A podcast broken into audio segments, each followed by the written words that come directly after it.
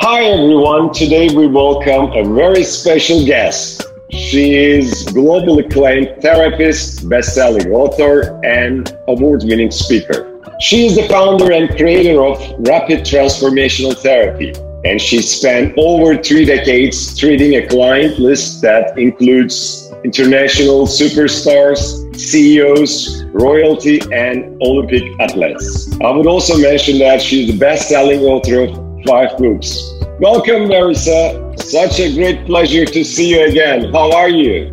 Good. It's so lovely to see you again too. Marisa, I mean Marisa, tell me about your methods. So we uh, we would love to hear more about your methods. Well, RTT, Rapid Transformational Therapy, is a I think it's a little unconventional because people believe the words rapid and therapy shouldn't go together. That therapy by nature should be long, and it's all it's all based around building up trust with your therapist so you can express your feelings.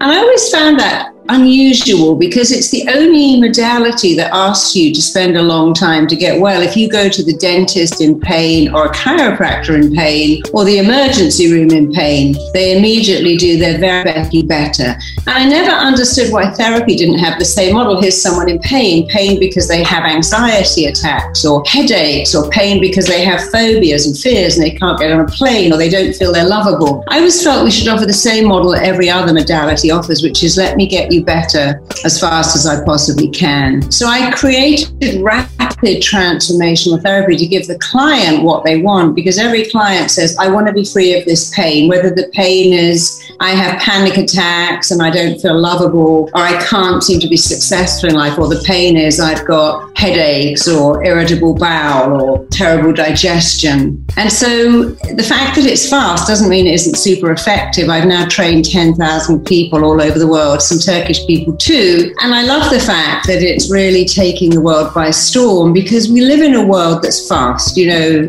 you can't deny it. People haven't got the patience now to wait for that little circle on their screen to go away. I'm like that. I've got my laptop is slow, so I move on to my iPad, so I move on to my phone. We live in a fast world and everything has to be faster. People want faster cures, they want faster everything. So I made a rapid therapy that is, I feel, the best therapy in the world and gets the same results as long talk therapy, but I think it's what people want. Great, great.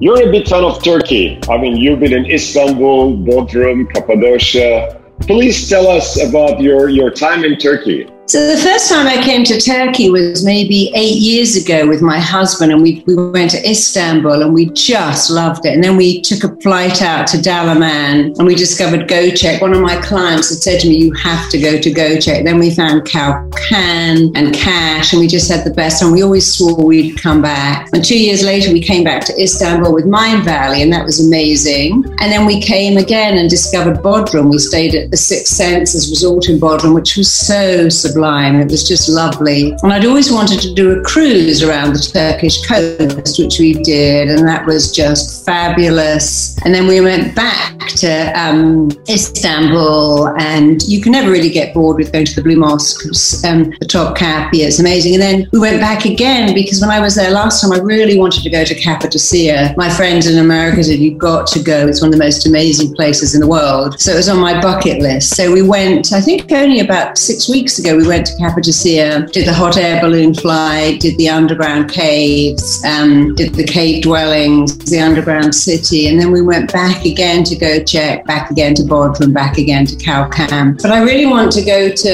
Izmir. I really, I've been to Ölüdeniz and Fethiye, but Izmir, there's so many more parts of Turkey I want to see. What do I love about it? What do I love so much? Um, I mean, I love the people. I love the history. I mean, I spent ages reading about the Ottomans. And when you go to Topkapi, you see these emeralds the size of gulls' eggs and the harem. It's just, the culture is fascinating. The fact that Turkey is one of the few self sufficient countries. I love the people, love the ocean, love, um, love being on the water. Somebody had said to me once, I think it was Lulu, she's quite a famous English singer, who said that the highlight of her life was cruising up the Bosphorus to her hotel. And of course, when we stayed at Six Senses in Istanbul, we did the same thing. We took a beautiful cruise from the center of Istanbul all the way back to our hotel. And it was just extraordinary. I think it's the architecture, the people, the food, the weather, the culture. Of course, going to the mosque is such fun. So I love everything about it. It's a place I'd go back to again and again and again. And I will be back soon because there's so much of it to see. And it's interesting because when you go to Turkey,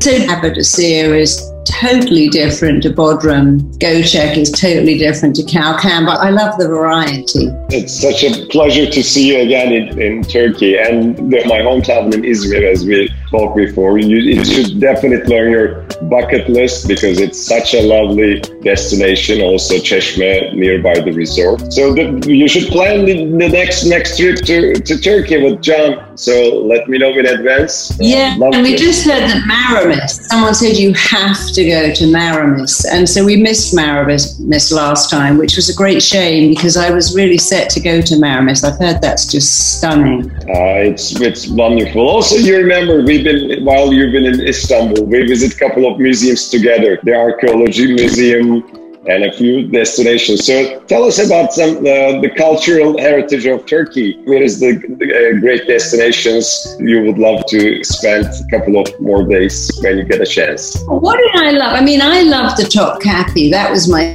Everyone says the Blue Mosque is their favorite and the Hagia Sophia, but I love the Topkapi because of the history of the the room where all the concubines were, and even the circumcision room. I thought it was extraordinary. I love the underground springs. I, I think it's is that called the Giza? Mm-hmm. But the underground springs, I love that. When I was in Cappadocia, I was really amazed that they had underground cities that went down eight stories. I mean, that was extraordinary that that took 3,000 years to build. And of course, the museums. I mean, the museum that you took me to and the things that we saw. And again, the, the jewels in the Topkapi. Um, it was all extraordinary. I mean, the whole thing was just, it's something we don't have. I mean, we have beautiful museums in England and amazing works of art but that whole Ottoman culture and all the things that stem from that Ottoman culture even the word harim, which means forbidden. So I, I learned a lot in Turkey, and I, I, think people don't often realize how incredible Turkey is. I think we think Turkey is like a lot of beautiful beaches, a lot of amazing resorts, so you can fly out and get amazing weather. But the first time I went, I was so impressed with the stunningness of the buildings. I mean, the Hagia Sophia and the Blue Mosque are just amazing to see the, the intricate work that went into that and the love and pride. And so, yeah, and I love all the little shops too that sell. In fact, last time I was in Turkey two years ago,